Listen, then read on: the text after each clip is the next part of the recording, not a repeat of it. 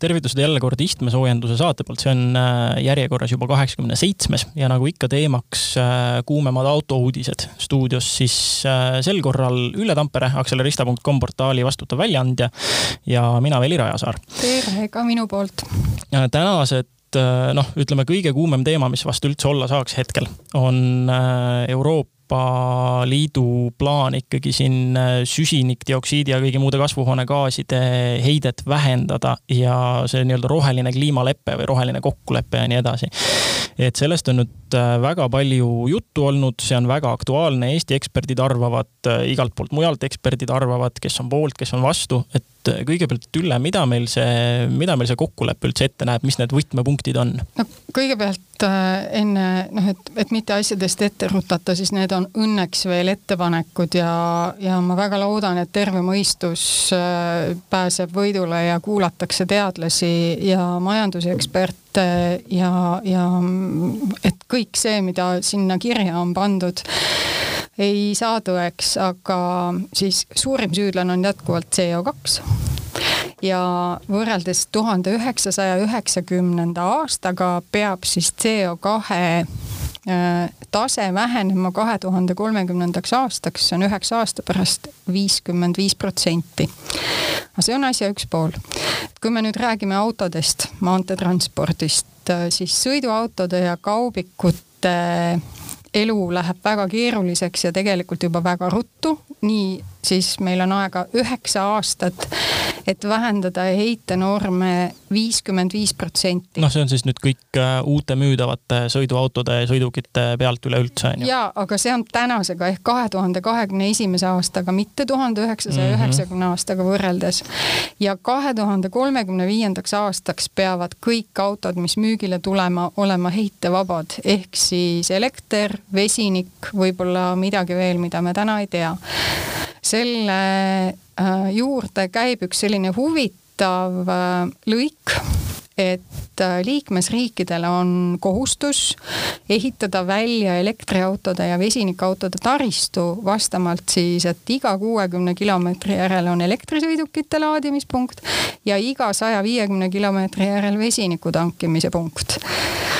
et kui nüüd siis seda vaadata, siis läheb väga-väga keeruliseks ja siis äh, on, autodele on põh-, pühendatud üsna pikk lõik ja edasi on siis lennuki ja laeva kütused, mille puhul, puhul on selline üsna üleüldine jutukene. noh, aga nüüd on siin see küsimus, et äh, noh kui, kui vaadata nagu pragmaatiliselt on ju, kui vaadata siin äh, numbritele, arvudele otsa, et siis on ju iseenesest äh, sihuke ilus idealistlik pilt, et igal pool on laadijad, igal pool on vesinikutanklad, ükski auto mingit bussu ja eritamist tee peal sõidab, on ju, noh, mis selles, mis selles siis halba saab olla. aga samas jällegi on siin see, millest me oleme saadetes ka eelnevalt hästi palju rääkinud, et, et samaaegselt toimub ikkagi sisepõlemismootoriga autode väljapuksimine või, või kõige nõmedam vast isegi minu jaoks isiklikult juures see, et äh, keskkonnasäästu, äh, ütleme siis keskkonnasäästu egiidi all üritatakse ikkagi äh, hoida sellist praegu sisse harjunud tarbimiskultuuri, mis on minu, minu jaoks nagu tegelikult see probleem. et toimub sisepõlemismootoriga autode demoniseerimine, neid surutakse üha enam utiili, noh, vaatame Ühendkuningriigi näitel kasvõi, et igasugused ULE-sid, need madala heitmetsoonid linnas juba on ju, mis on tasulised. noh, see läheb ajapikku ainult hullemaks sisepõlemismootoriga autodele. et isegi kui juhtub tõesti see, et kahe tuhande kolmekümne viiendaks aastaks enam ühtegi sisepõlemismootoriga uut autot ega hübriidi ei müüdagi siis, äh, siis ei ole päris nii, et noh, ma, ma arvan, et see päris probleemivaba ei saa ka nagu olemasoleva lõpuni kasutamine ikkagi olema, et siin pannakse peale erinevad maksud tehakse see elu ikkagi võimalikult ebamugavaks neile, kellel on juba olemasolev masin, aga, aga probleem minu jaoks on just see tarbimiskultuur, et, et just see, et äh, iga kolme aasta tagant uus ja noh, äh, vahet ei ole, mis ta on, peaasi, et ta oleks uus ja noh, ja siis, kui juba uued, et siis, siis olgu ikka elekter ja kõik, aga, aga sellega juures ongi, mulle, mulle tundub igakülgselt, et äh, palju mõistlikum on olemasolevat hoida käimas, kuni see on majanduslikult otstarbekas ja siis see utiliseerida et see just see jõuline pool siin on nagu see, mis, mis mulle, mis paneb mind sõrgu vastu ajama, et neid väga säästlikke autosid äh, kaugetest äh, aegadest on liikvel veel päris palju, et samamoodi ka endalgi. Selle asja üldnimetaja lühidalt on rohepesu ja rohepesuga tegelevad elust kauged inimesed, ehk siis äh, vaadates seda Euroopa tulevast rohelepet või kliimalepet, mis sinna sisse on kirjutatud, siis minu meelest nende ametnike ainus eesmärk on säilitada praegune mugav olukord mm -hmm. ja samas äh, seada löögi alla need inimesed, kes endale tõenäoliselt ei taha ja ka ei suuda ja ei näe sellel ka mingit mõtet, et osta omale uut sõidukit. Äh, mitte keegi tänasel päeval ei ole võimeline nägema sada protsenti puude taga metsa, ehk siis ma ei ole näinud ühtegi pädevat arvutust, milline on äh, elektriauto tegelik jalajälg, äh, kuhu kadusid vahepealt need tehnoloogiad, mida siin hooga on arendatud, kasvõi seesama biogaasiga sõitev sõiduk, mis iseenesest võiks ju olla täitsa okei okay,, kui ta sõidab nii-öelda meie kokku mhm. kogutud bussu peal. Ehm, see kõik on nii mitme otsaga asi ja, ja minu meelest Fortes äh, võeti nädala alguses väga hästi meie teadlaste poolt see asi ka kokku. Euroopa hetkel saeb seda oksa, millel ta ise istub. Äh, majanduslikus konkurentsis lükatakse ennast konkurentsist välja. autotööstusest rääkides tootjad lahkuvad Euroopast, sest et nad ei näe mingisugust mõtet sellel, sellel asjal. ja, ja no me oleme nii käpuli selle peale lihtsalt sellepärast, et keegi tahab vastu võtta ääretult lolle otsuseid. no ütleme, siin on nüüd, kui rääkida sellest Forte ekspertide kokkuvõttest, siis muidugi siin on üks probleem, mis ma ei saa nüüd aru, kas on juhtunud juba küsimuste saatmise tasandil või on seal räägitud aiast ja aiaaugust, aga siin äh, nüüd Dago Antoviga paraku, kes on meil siis nüüd äh, Tallinna Tehnika Tehnikaülikooli äh, transpordi planeerimise professor, siis äh, tema hakkab juba rääkima nagu aastaks kaks tuhat kolmkümmend viis oleks sisepõlemismootoriga autod keelatud. et äh, tegelikult noh, sellest me ei saa rääkida, et terve see masinapark siin välja vahetada selleks ajaks, selge on see, et ikkagi juba olemasolevad sisepõlemismootoriga masinad, kaasa arvatud need, mis on veel äh, viimase nii-öelda enne piirangu jõustumist toodetud, ütleme siis kaks tuhat kolmkümmend neli ei ole nii, et kuupäev kukub ja nüüd need on äkitselt keelatud. Nende müümine on lihtsalt keelatud, et siin tundub, et natukene on, äh, mulle tundub, et juba küsimiste küsimisel on natukene läinud midagi äh, veidikene suusad risti. aga laias laastus ma olen seal nende ekspertide arvamusega muidugi nõus, et see, see lõppkokkuvõttes on küsimus, miks me selles mõttes nii hullult selle nimel ponnistame, kui äh, siin maanteetransport ja üleüldse sõidukid eritavad laias laastus kusagil viisteist protsenti kogu maailma erinevatest heitmetest. et äh, isegi kui need päevapealt nulli tõmmata, siis äh, see on suhteliselt marginaalne, et äh, kasvõi siin noh, äh, Ukuga sai siin võetud üks päev ette üks tore arvutus. me räägime mõni tulev saade sellest ka pikemalt. aga noh, taustaks see, et Venemaal seitsmekümnendatel oli üks tore auk, mis eritas metaani. See süüdati põlema, et noh, põleb tühjaks. no ja seal ta siis põles kusagil vist oli veidi üle aasta ja see olukord muutus seal ka vene teadlaste hinnangul äh, päris hulluks, noh, mis ütleb nii mõndagi juba, et kui ka vene teadlased arvavad, et asi on ikka päris pekkis, et noh, ju siis on. et äh, selle soone sulgemiseks lõhati maal termotuumapomm ja see siis äh, toimis, aga me arvutasime Ukuga kähku, et nii, palju see siis metaani eritas, see auk selle aasta jooksul.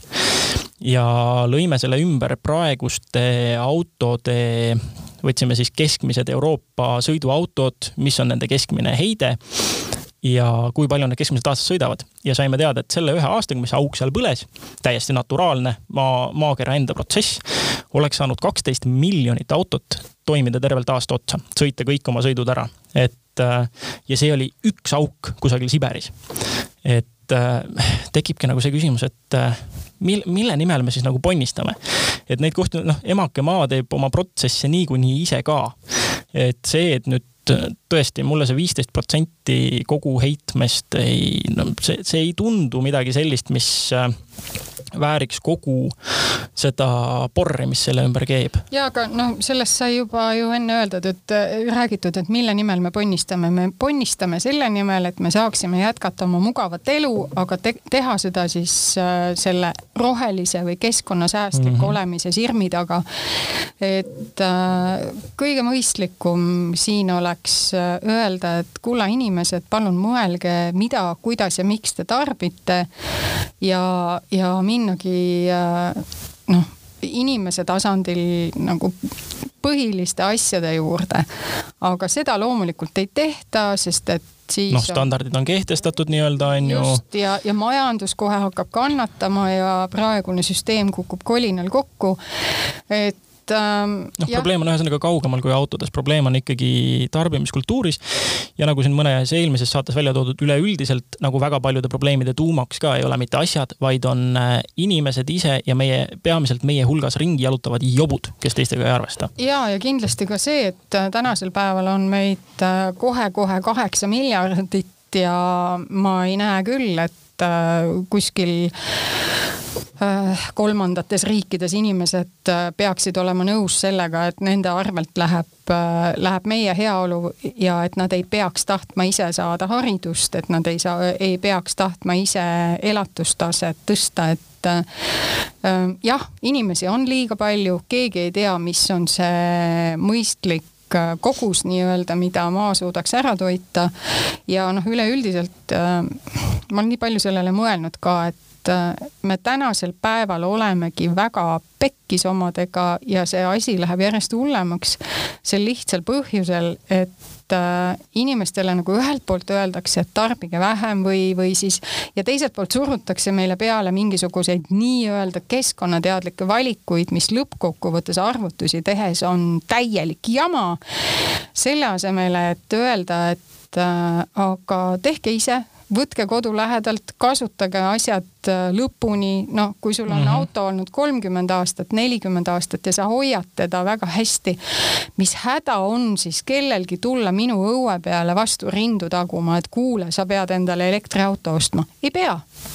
jah, täpselt, et et äh, probleem jah, täpselt nagu sa välja tõid, ikkagi puhtalt see tarbimine, noh praegu ka just täna jäi ette uudis selle kohta, et äh, Indias on käimas üks, on käigus üks eelnõu, mis äh, plaanitakse inimestele hakata maksma selle eest, et nad siis äh, ennast viljatuks lasevad teha näiteks, et mitte enam kontrollimatult paljuneda, on ju. ja samas Hiinas on nüüd see kell juba teistpidi hakanud käima, nad näevad, et elanikkond vananeb, äh, meeste ülekaal on nii tugev, sest ühe lapse poliitikaga oli ainult poisslaste soosimine hiinlased on käpuli ja nüüd nad lubavad siis kuni kolm last saada mm, -hmm. aga seda kolmandat last ei taha enam keegi, sest äh, noh, ma võin omast kogemusest öelda, et kolm last, see tähendab sisuliselt, et sa oledki ema ja, sa eladki lastele ja täiesti arusaadavalt.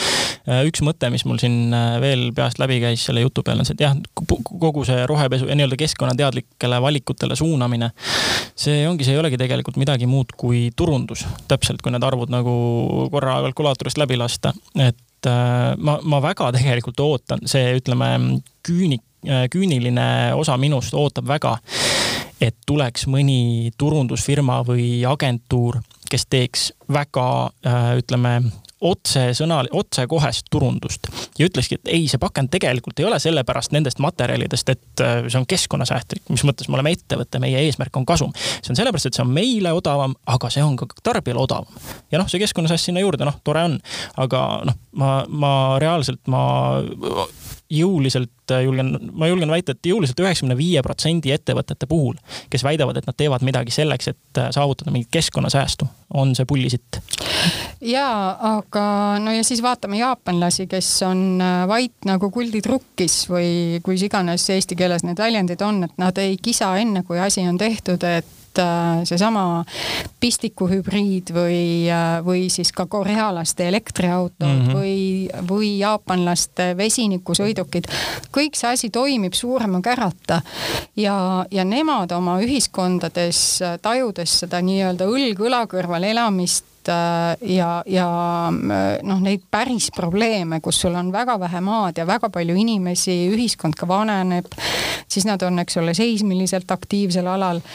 et nad tegelevadki iga päev reaalsete lahenduste otsimisega, aga siin Euroopas kuidagi on asjad läinud nii noh, võib-olla natukene nagu Ameerikas, et palju kisa, vähe villa ja siis.... ja peab olema majanduskasv kõige selle juures. ja peab olema majanduskasv ja peavad olema ka projektirahad ja ühed saavad järjest rikkamaks ja teised saavad järjest va vaesemaks ja. aga kõik on okei okay,, kuni Excelis on kõik tasakaalus. absoluutselt, nii et jah. aga noh, siin äh, sai mainitud seda tarbimiskultuuri osa, kus äh, soositakse autode sellist kiiret vahetamist ja noh, äh, kui vaadata näiteks ühte brittide uuringut, siis on ka selle nii-öelda viljad käes, et noh, kui me vaatame siin kasvõi Uku selliseid nostalgilisi kirjutusi vanade autode kohta, kus ikkagi sa kandsid pagassis kaasas omal kõiki erinevaid remondiks vajalikke jubinaid ja varuosi ja tee ääres võisid igasuguse asja korda teha, siis britid tegid ühe säärase uuringu, et Äh, vaadati, kui palju siis inimesed tunnevad tegelikult äh, esiteks oma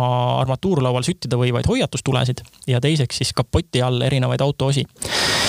ja no ütleme, et see uuring äh, on üpris noh, ütleme mitte üllatava tulemusega, aga hirmutav küll pisut. et noh, aga see on samas arusaadav, kui meile seda auto tarbimist üha enam söödetaksegi ette kui kohustuste vaba lust ja lillepidu, kus sul on, ma ei tea, seitse, mis iganes aastat garantiid. trilla-tralla turundus.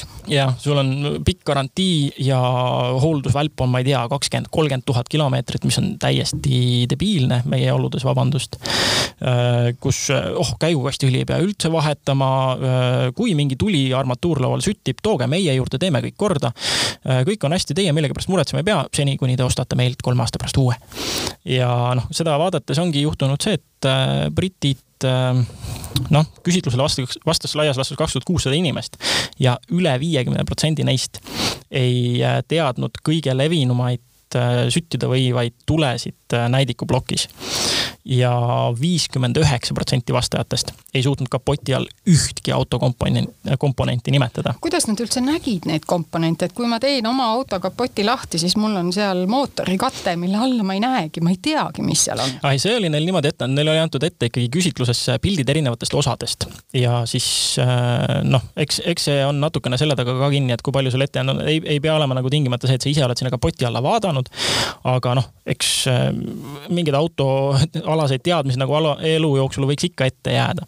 ja noh, tegelikult võiks tõesti sinna kapoti alla ronida ja korra sinna selle katte alla vaadata, et mis seal on, aga mis sa arvad, mis oli kõige tundmatum auto osa inimeste jaoks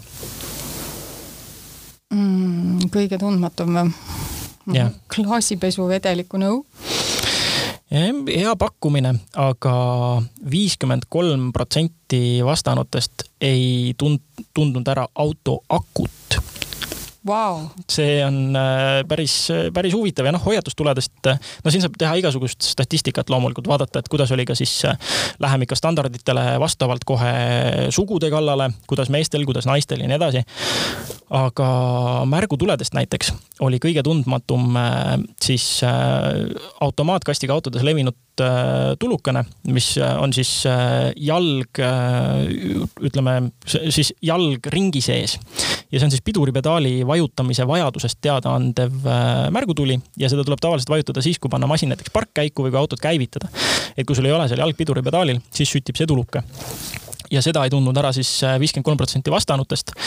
ja meestest kuuskümmend protsenti ei teadnud äh, selle tulu, tulukese tähendust. kuigi tõsi, noh, siin me võime minna veel väga stereotüüpiliseks ja öelda, et noh, mehed, mis, kes see siis automaadiga neist veel nii väga sõidab, on ju, või midagi. ja, aga pigem on see, et mehed, kes neist loeb kasutusjuhendit, et kui sa võtad auto käsiraamatu ette ja see näeb välja nagu kolmeaastasele mõeldud joonistaja värvi ise pildiraamat mm, -hmm. et siis ma arvan, et äh, mitte ainult mehed, vaid äh, mõtlev inimene üleüldiselt äh, ütleb, et vabandust, et mis asi see on, miks ma pean seda lugema. ja, ja noh, tänapäeval on see, et mine vaata Youtube'is videot, kuidas autot käivitada, selle kohta on Youtube'is videod mm. -hmm. no see on vana hea näide selle kohta, et kas sa siis ei teadnud, et tund aega katse-eksitusmeetodit hoiab kokku viisteist sekundit õpetuse lugemist. et see on vana hea tarkus pea igas valdkonnas. Näiteks nelikümmend protsenti ei teadnud, milline on eelsüüteküünalde hoiatustuli ehk siis noh, diiselmootoril, et ei tohi käivitada enne, kui eelsüüteküünlad on oma töö teinud, on ju, siis see süttib selline ilus, äh, ilus kollane tulukene.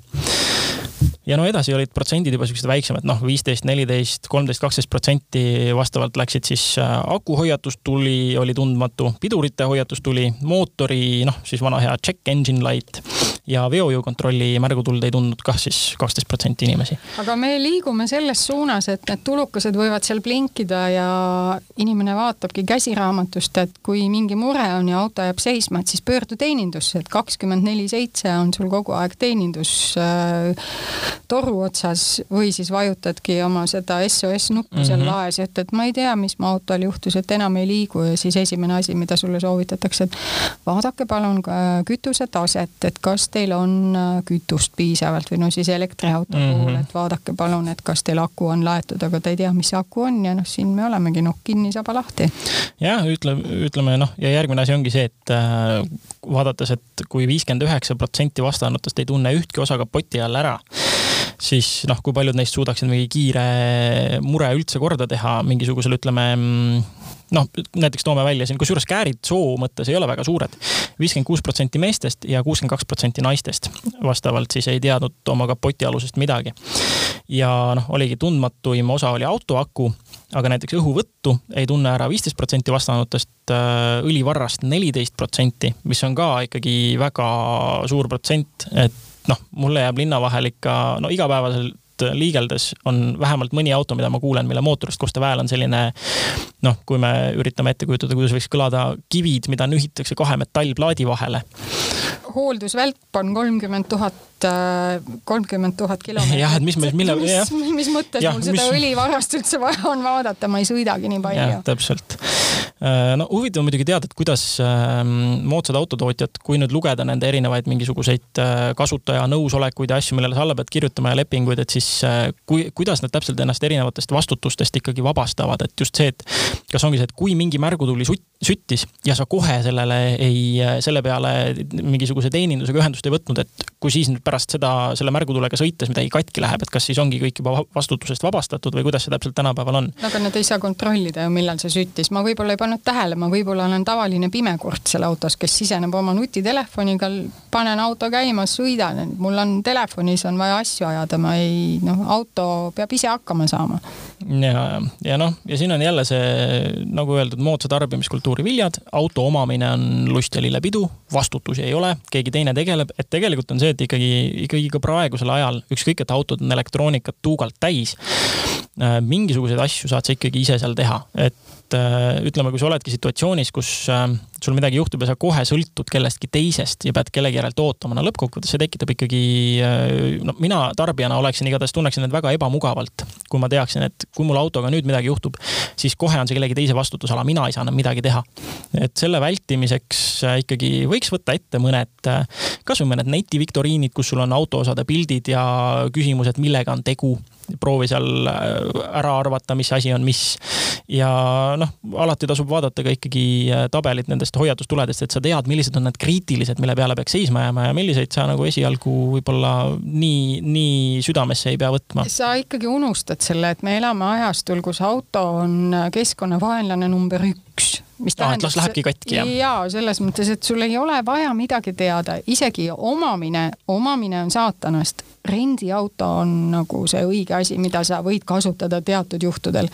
ja nagu ma aru saan, siis neid üle nipli käinud rendiautosid on meil päris palju juba olnud mm. -hmm. see näitab ka seda taset, et. ja no jällegi see nähtub just täpselt see, et pärast mind tulgu või veeuputus, see on veel kohe äh, vastutuse vaba kasutamise epitoom põhimõtteliselt, et vaadates, kuidas need liikluses need rendimasinad sõidavad ja mida nendega tehakse, siis tõesti no, hakkab kahju tegelikult. võib ju jah, aga noh, see on jälle selle tänase tarbimisühiskonna üks paratamatu kaasnähe ja vesi teeninduste ja ilmselt ka automüüjate veskile, sest et äh, keeras üle nipli, ostame uue auto ja sõidab mm -hmm. jälle, et ega siis business ei saa selle pärast seisma jääda. noh, ja veest ja business'ist rääkides, siis äh, selle nädala proovisõiduauto, nüüd me oleme vahepeal Ukuga teinud siin selliseid lahendusi, et mina sõitsin millegagi, Uku küsib küsimuse, nüüd on vastupidi, Ülle on sõitnud äh, Toyota Mirai vesinikuautoga ja mina siis küsin neid põhilisi küsimusi, et äh, mina jah, paraku nägin seda autot äh, vaid distantsilt, kuulsin tema sihukest, ma ei saagi öelda, kas ta, ta väga midagi hääle, häälelaadset üldse ei teinud. kui esimene generatsioon, vaata Andres Kruus käis Norras pikal sõidul mm -hmm. esimese generatsiooni Miraiga mäletamist mööda, tema ütles, et seal kapoti alt kostus nagu sokipesu häält siis äh, uue generatsiooni Mirai on nii vaikne, see on lihtsalt nii vaikne ja ta on nii pagana ilus, et ma nüüd võtangi sujuvalt üle, enne kui sa saad hakata küsima. et äh, mul juhtus nii, et äh, kahe tuhande kahekümnendal aastal kevadel me sõitsime Tuiga Tui on siis äh, mu kolmeteistaastane tütar, sõitsime Toyota Supraga sõitsime nagu tõelised naised, panime vastavad värvi riided selga, auto oli kollane ja me ei kihutanud, me ei, ei testinud auto piire, vaid me lihtsalt kulgesime ja see oli tohutult mõnus. ja nüüd täpselt aasta hiljem oli meil Toyota Mirai. ja jällegi Tuiga käisime kohtades ja siis omavahel arutasime seda, et see on ülipull, et äh, Toyota tal Supra oleks nagu ühes otsas tema mudeli valikus ja Mirai oleks nagu teises otsas. ja nad mõlemad on niivõrd fun'id ja mõlemale vaadatakse tänaval järele. ja mõlema puhul oli neid kolksti tänavale kukkunud lõugasid ikka päris mitu, et Tui vahepeal tõstis näppu ja ütles, et no nii äge, et see on nii äge auto. muuseas, maksab sama palju kui Tesla Model S omal ajal ehk siis pisut alla kaheksakümne tuhande tipp tipp, tipp, tippvarustuses mm. -hmm okei okay, ähm,, aga mis tunde sellega sõitmine tekitas, kas sul tekkis tunne, et sa oled nüüd äh, väga roheline ja teadlik ja keskkonnasõbralik ja kõik muud asjad? Või äh,, või oli ta sõiduauto nagu sõiduauto ikka, ongi küsimus näiteks noh, mis äh,, mis on huvitav, mis eristab Euroopa ja näiteks Hiina tarbijaid, on see, et hiinlased tahavad sellistelt moodsatelt masinatelt, mis sõidavad mingil, mingit sorti nii-öelda alternatiivkütusel, tahavadki seda, et nad oleks ufod, nad oleks kosmoselaevad. samal ajal eurooplased ootavad, et, et ta oleks just võimalikult sarnane harjumuspärasega. kumb see masin siis on? Mirai on luksuslik ja ma isegi mõtleks, et et äh, Toyota võiks Mirai kaubamärgina tulevikus eraldada vesinikusõidukitele, nii nagu ta on seda teinud Lexusega, et Lexus on siis nende esmaklassi auto. Mirai puhul on see piir Toyota ja Lexuse puhul veel rohkem ära kadunud ja, ja vaadates varustust, vaadates seda, kui mugav ta on sõita, kui avar ta on, siis äh, ta on luksus ta on, ta on mm -hmm. vägagi esmaklassi auto ja kui minu jaoks noh, auto hindamisel on võib-olla kõige olulisemaks kriteeriumiks see, et kas ma suudan intuitiivselt sellesse mm -hmm. autosse istuda, nii ma ei tõesti, ma ei loe kasutusjuhendit, auka ma ei loe, noh. siis äh, Mirai puhul, nii nagu üldiselt Toyotate puhul on see, et sa istud, paned istme paika, sätid rooli paika, paned turvavöö peale, käivitad auto ja sõidad ja sul kõik on nagu õudselt loogiline. ja, ja mis mulle Toyota puhul meeldib ka see ja mis on ka Mirail, et kui sa tahad, siis ta mõtleb sinuga kaasa mm. -hmm. aga kui sa seda ei taha ja tahad ise sõita, et siis ta pakub piisavalt äh, palju elamust äh,. küsimus kiirelt sa ütlesid intuitiivne. kuidas on tal see multimeedia, aga lisaks sellele ka noh, ütleme siis navi ja kliimaseadme kõige juhtimine, kas ta on nagu väga digitaalne või on seal ikkagi ka midagi füüsiliste nuppude kujul äh, juhitav? olulisemad nupud minu meelest olid välja toodud ikkagi nupu kujul, aga need olid rooli peal üldse mm. -hmm. ta on, noh, ta pigem on ikkagi nagu digitaalne, digitaalne okay.. aga ma ei, noh, ma mitte kord, tead, ma ütlen sulle ausalt, ma isegi ei mõelnud sellele, et, et see kõik oli nii loogiline ja see kõik oli nii mugav ja kuna mul sinna Mirai äh, sõitmisega täpselt paralleelselt jäi ka üks kogemus ühe tuntuima saksa autotootja kõige populaarsema mudeliga, kus infolust oli, oli nii-öelda nagu põlvede vahel ja, ja mi, mida ma ei saanudki lõpuks tööle, ma ei saanud teda oma telefoniga paarida, mitte mm -hmm. midagi, siis ma no emotsiooni pealt kirjutasin ka kohutavalt kurja artikli, et no, no palun, no minge õppige, minge õppige, kuidas peab asju tegema, et äh, Mirai puhul on, on see väga hea. sa ei panegi tähele, sa ei mõtlegi selle peale, sa lihtsalt, sa sõidad ja su tähelepanu on hoopis muudel asjadel. näiteks kütusekulul, et äh, minul äh, nende mõnesaja kilomeetri keskmiseks kütusekuluks tuli siis kokku null koma kaheksakümmend kaheksa kilomeetrit kilogrammi, vabandust, saja kilomeetri kohta. aga mis see siis meile ütleb, ütleme mm, tavaauto kontekstis, et null koma kaheksakümmend kaheksa, kui suur ta vesinikupaak on siis? ma sõitsin kolmsada kuuskümmend viis kilomeetrit paaki mahub viis koma kuus kilogrammi mm -hmm. vesinikku. No siis teeme väikese arvutuse, et kolmesaja kuuekümne viie kilogrammi peal Äh, null koma kaheksakümmend kaheksa. no me korrutame selle kolme koma kuuega, me saame laias laastus sealt ikkagi kolm kilogrammi kätte ja tal jäi siis paaki veel no peaaegu, peaaegu pool alles on ju? Äh, tegelikult üle poole, et kui sa nüüd siit kasvõi pildi pealt vaatad, siis sa mm -hmm. näed, et ma kujutasin, kulutasin praktiliselt ühe kolmandiku ära, et ma mm, õnneks okay. tegin sõidu lõppedes selle pildi. ja kui äh, Toyota inimesed ka ütlesid, et no selge, ma küsisin, et mis ma siis teen, et kui ma nüüd paagi tühjaks sõidan, siis nad ütlesid, no eks me siis läheme, viime ta tankima ja siis, kui ma helistasin äh, enne auto tagasiviimist ja, ja ütlesin teeninduses või esinduses ka, et teate, tegin, mis ma tegin, mina seda tühjaks ei saanud sõita, sest nad olid väga rõõmsad, et no peale mind sai ilmselt veel mitu inimest sõita. Mm.. et kui Mirai praegune äh, sõidurekord ühe tankimisega on tuhat kilomeetrit mm. ja vist natuke peale, siis ma julgen väita, et äh, rahuliku sõidustiiliga liikluseeskirju järgides ei peaks olema võimatu seda rekordit äh, korrata, siis, korrata või isegi üle sõita, et äh, jah, väga, väga põnev. aga kuidas ta, ütleme siis igapäevaautona on, on ta ka, täidab ta ka praktilised vajadused, kui me nüüd jätame kõrvale, siis noh, okei okay,, sõiduulatus on väga hea, tankimine jällegi, kui see infra siin tekitatakse, siis tankimine käib vesinikuga kiirelt, on ju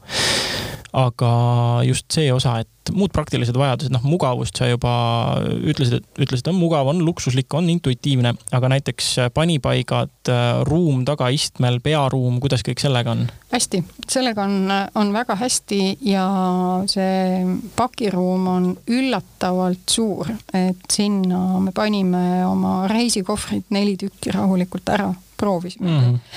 ja tagaistmel sa saad sättida seda isteasendit loomulikult, noh, kõik on olemas, et kui sa küsid, et igapäevavajaduste rahuldamine, siis minu igapäevavajadusteks on seda kõike liiga palju. et see auto on nagu selgelt üle võlli, ta võiks olla meil noh, ütleme nii peaministri või, või mm -hmm. presidendi sõiduk. võib-olla tänane peaminister ei, ei kuku surnult maha, kui talle öelda sõna vesinikauto, et äh, see on muuseas üks asi, millest ma, ma tõesti ei saa aru. et räägitakse kliimaleppest leppest, räägitakse rohepöördest ja ka siis meie valitsejad ja Riigikogu liikmed sõidavad kõik täiesti tavaliste suurte januste sisepõlemismootoriga autodega. paneme nemad palun siis ise nende uute roheliste autode mm -hmm. rooli ja, ja vaatame, mis see tulemus siis on, et kui kõvahäälselt nad veel seda rohepööret siis äh, populariseerivad, kui noh, ma ei tea, ostamegi kõigile vesinikuautod nagu päriselt. noh, siis väga kindel on see, et äh, väga kiiresti tekiks siin äh, infra sinna ümber ja, ja. kõik muud mugavused ja noh, sama nagu kui Riigikogu liikme palk näiteks miinimumpalgaga siduda, et siis oleks väga kiiresti juhtuksid asjad. no absoluutselt, et noh, seda ma silmas pidasingi, et andke palun otsustajatele kätte need asjad, millest te ise räägite, kui toredad need on, et teeme selle trilla-tralla turunduse nagu siis sisuliseks. ja ma oleks väga rahul, kui kui äh, valitsusliikmetel oleks vesinikuautod istumise all, et et, et ja asjad hakkaksid liikuma, sest tänasel päeval me elektriautode või elektrifitseerimise osas oleme no Euroopas juba üsna tagumises otsas. ja arusaadav, turg on väike, otsused, mida kunagi tehti, on tänaseks äh, vananenud, eks ole, meil on see vana kola on nende äh, pagana laadijate näol. nüüd äh, keegi enam ei räägi meil muust kui Shademost, et siis no palju õnne, et kõik ehitatakse ümber. aga vesiniku puhul meil võiks olla see võimalus tõusta Euroopas ikkagi vesinikuriikide esirinda. meil on Auvetec ja Tartu Ülikool ja Tehnikaülikool koostöös on teinud sellise toreda asja nagu iseauto. noh, mis siis on isejuhtiv kuuekohaline bussikene. nüüd siis pandi sellele peale ka vesinik vesinikuajam või vesinikuelement ja, ja see on esmakordselt maailmas, kus siis need kaks asja püütakse ühendada, et, et nii autonoomne sõiduoskus sellel sõidukil kui siis ka vesinik. miks me seda potentsiaali ära ei kasuta, mida me ootame? ja siin ongi hea koht minna nii-öelda nädala automõtte juurde, kuna aeg meid peale surub, et äh, mis äh, me küll Janniga kunagi arutlesime, et mis meie silmis võiks olla see, see tulevikukütus, aga ma saan aru, et sulle tundub, et see võiks ikkagi pigem olla ka vesinik. ja ma usun, et see, see võiks olla vesinik päris kindlasti, et äh, ma isiklikult, kui, kui oleks minu teha, oleks minu olemine teiseks mm -hmm. minu tulemine, siis ma jätaksin äh, selle tohutu elektrifitseerimise ja iga, mis oli iga viiekümne kilomeetri tagant post püsti jama lihtsalt ära.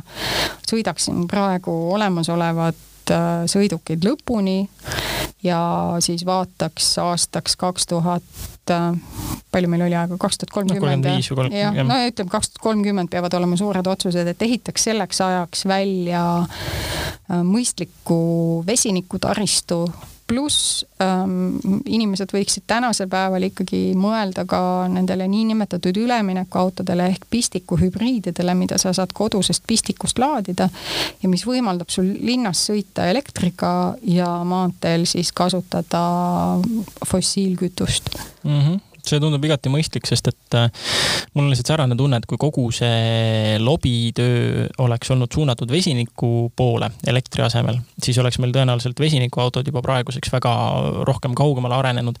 ja mulle kuidagi ka tundub, et vesinik äh, kuidagi eos juba see on juba praeguseks, niigi on sellega vähe tegeletud võrreldes elektriautodega, aga juba praeguseks on sellel need põhilised äh, mured peale taristu lahendatud, et äh, laadimiskiirus, mida inimesed soovivad, noh, sa ikka tahad, et sa saaksid viie minutiga omal uuesti nii-öelda sõiduulatuse maksimumi, on ju ja sõidu ulatus selle ühe laadimisega, et. siis ähm, tankimisega. jah, jah, täpselt, et noh, selles mõttes, et ongi, et elektriautode puhul praegu veel paljudele see on ikkagi äh, selleks äh, komistuskiviks, et miks nad ei taha minna elektrile üle. et ongi, et noh, tuleb taristu järele, tuleb sõiduulatus ja tuleb laadimiskiirus, et siis nagu võiks, aga vesinik on juba nagu kaks probleemi kolmest tegelikult lahendanud, on ju. ja pluss veel see, et ähm, ka kui me räägime nüüd siin paadunud äh, petroseksuaalidest, autohuvilistest, entusiastidest, siis tegelikult vesinikuga töötavaid sisepõlemismootorid on ju meil ka. et jällegi ühes eelnevatest saadetest äh, me mängisime ette klipi ähm, sellest ja palusime ära arvata, mis autoga tegu on, see Toyota vesinikul töötav üks ralliauto. kõlab no ikka väga kurjalt, ma arvan, et entusiastid peaksid igatahes rahule jääma, et see, see kõlab nagu üks äh, tavaline sisepõlemismootoriga auto, kiirem ja väledam, seal erinevad Äh, võidusõitjad, kes seda masinat proovisid, ütlesid ka, et kui keegi oleks öelnud, et see on vesiniku peal töötav, siis nad ei oleks üldsegi kahtlustanud. et äh, see tundub nagu kuidagi, ütleme, terviklikum ja universaalsem pakett üleüldiselt, et äh, ongi kindlasti on selles mõttes nagu kahju, et mingis, mingisuguses paralleeluniversumis või kusagil paralleelselt või kuidagi ei ole juhtunud seda, et, et, et see kogu see entusiasm ja, ja kogu see lobitöö oleks suunatud ja kõik kahurid oleks suunatud hoopiski vesiniku poole elektri asemel et.... see on kummaline jah, et seda ei ole tehtud, aga ma ei ütle, et elektriautod on äh, täiesti vale tee. Elektriautod on lihtsalt oma äh, arengu algusfaasis. kui me suudame tekitada induktsioonlaadimise võimaluse, nii nagu seda Jaapanis on testitud, et sa sõidad autoga mööda teed ja see samal ajal laeb, et siis see on täiesti okei okay., põhiline on, ongi see, et sa et sa saad keskenduda peamisele tegevusele, mis on liikluses täiemõistuslikult osalemine ja sa ei pea muretsema ja planeerima, et kus ma saan selle aku täis laadida, pluss noh, kõik see tootmine on nii metsikult kallis, pluss taristu on, kuhu me selle paneme, kui see ühel päeval meile mittevajalikuks osutub. see on kõik nii äh, keskkonnavaenulik ja, ja siin noh, tulebki veel kord küsida, et kes on need, kes otsustavad, kes teevad nii lolle otsuseid, et äh, miks me teeme katse-eksituse meetodil asju, mis äh, noh, mis kokkuvõttes ikkagi meid mingisuguse tulemuse, tähendab, me saame mingisuguse tulemuse, aga see tulemus ei ole rahuldust pakkuv mitte kellelegi. et kui vaadata autotootjaid, siis nad on omadega käpuli ja mul on tõsiselt neist kahju, sest see, mida nendelt nõutakse, noh, ma ei teagi, mida siin võrdluseks tuua. umbes äh, täitsa totter võrdlus, aga koduperenaisena, kui sulle öeldakse, et äh, sa pead tegema perele iga päev süüa, aga sa ei tohi seda teha traditsioonilistest äh, toiduainetest, vaid et sa pead leidma midagi, mis maitseks nagu lehtkapsas. aga see ei tohi olla tavaline lehtkapsas, vaid see peab olema tehtud mingisugusest taastuv noh, põhimõtteliselt nagu siis jah, et see peab olema tehtud taaskasutatud materjalidest ja nüüd te kõik mõtlete sedasama, mida minagi, et milline on see taaskasutatud materjal, millest siis teha lehtkapsast. et teeme otseühenduse korteris kahe ruumi vahel, need on siis äh, peene nimega tualett ja köök. no ja, ja no autotootjatel on umbes samasugune olukord, et põhimõtteliselt hüppa aknast alla, puu ennast üles, kõik see ei aita, sest et kupjad istuvad seljas, ütlevad, et pead jälle mingisuguse asja kuskilt küljest ära võtma ja kolme asja külge panema. jah, ja noh, ja veel üks asi vesiniku nii-öelda kasuks äh, minu silmis on see, et äh, ikkagi ma pean korra nende entusiastide juurde tagasi tulema, et tihtipeale mulle jääb äh, mulle viimasel ajal ütleme, on jäänud mulje, et elektriautode kõige häälekamad pooldajad on ja noh, ja inimesed, kellele elektriautosid üldse praegu suunatakse ja sihitakse, kasvõi Tesla näitel, on inimesed, keda enam ei huvita sõitmise protseduur üldse. Neil on, neil on suva sellest, kuidas nad äh, kuskile saavad, see ongi jällegi, see on, auto on lihtsalt vahend selle saavutamiseks. Need on, need, need masinad on loodud inimestele, kellele ei meeldigi tegelikult sõita.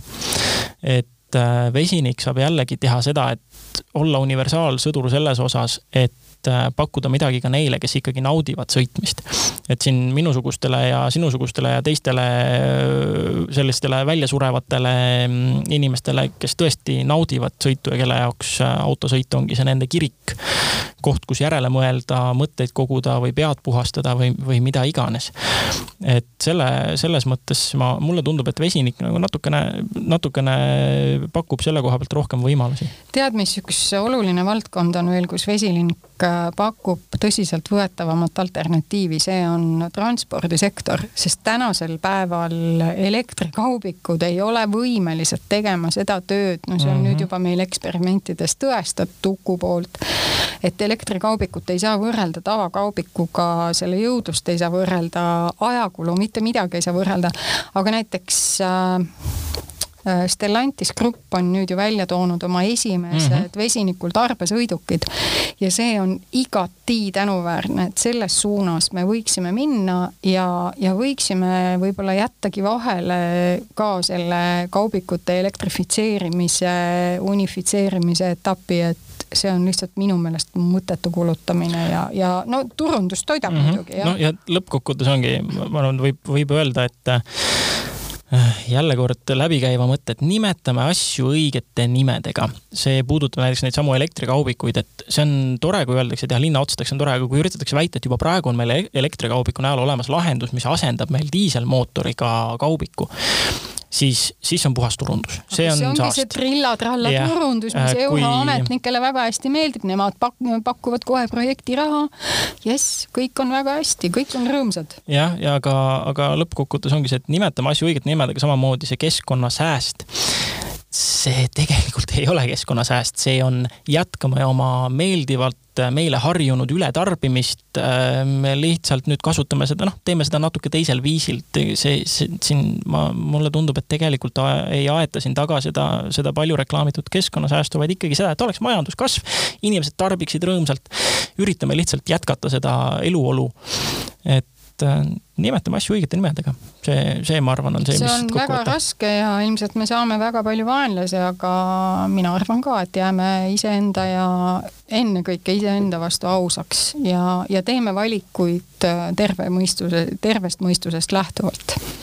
täpselt, aga suur tänu kuulajatele ja tulge järgmine kord jälle.